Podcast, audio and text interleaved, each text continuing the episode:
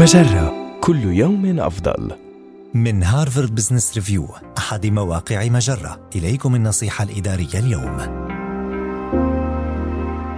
تعلمي الأسلوب الأمثل لإخبار موظفك بنبأ تسريحه من الشركة. ربما يكون تسريح موظف في شركتك خطوة نحو تصحيح خطأ ما وتجاوزه إلى مستقبل أكثر إرضاءً.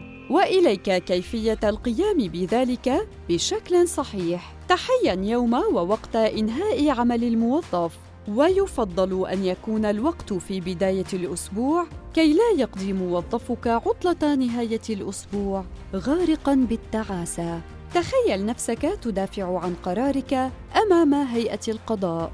افترض أنك تقف على منصة الشهود في حين يحاول محامي الموظف أن يثبت أن التسريح كان ظالماً، وكن مستعداً بأجوبتك المقنعة. اكتب أهم الأشياء التي تخطط لقولها لكي لا تتجاوز المطلوب في هذه المهمة. ادخل في الموضوع مباشرة.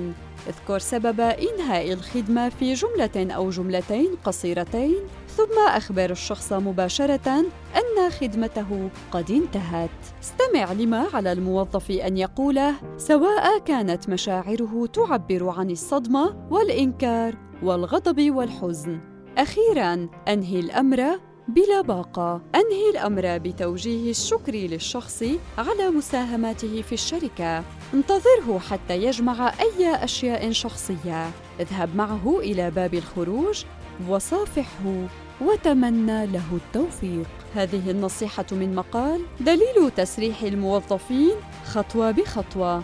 النصيحة الإدارية تأتيكم من هارفارد بزنس ريفيو أحد مواقع مجرة. مصدرك الأول لأفضل محتوى عربي على الإنترنت مجرة كل يوم أفضل.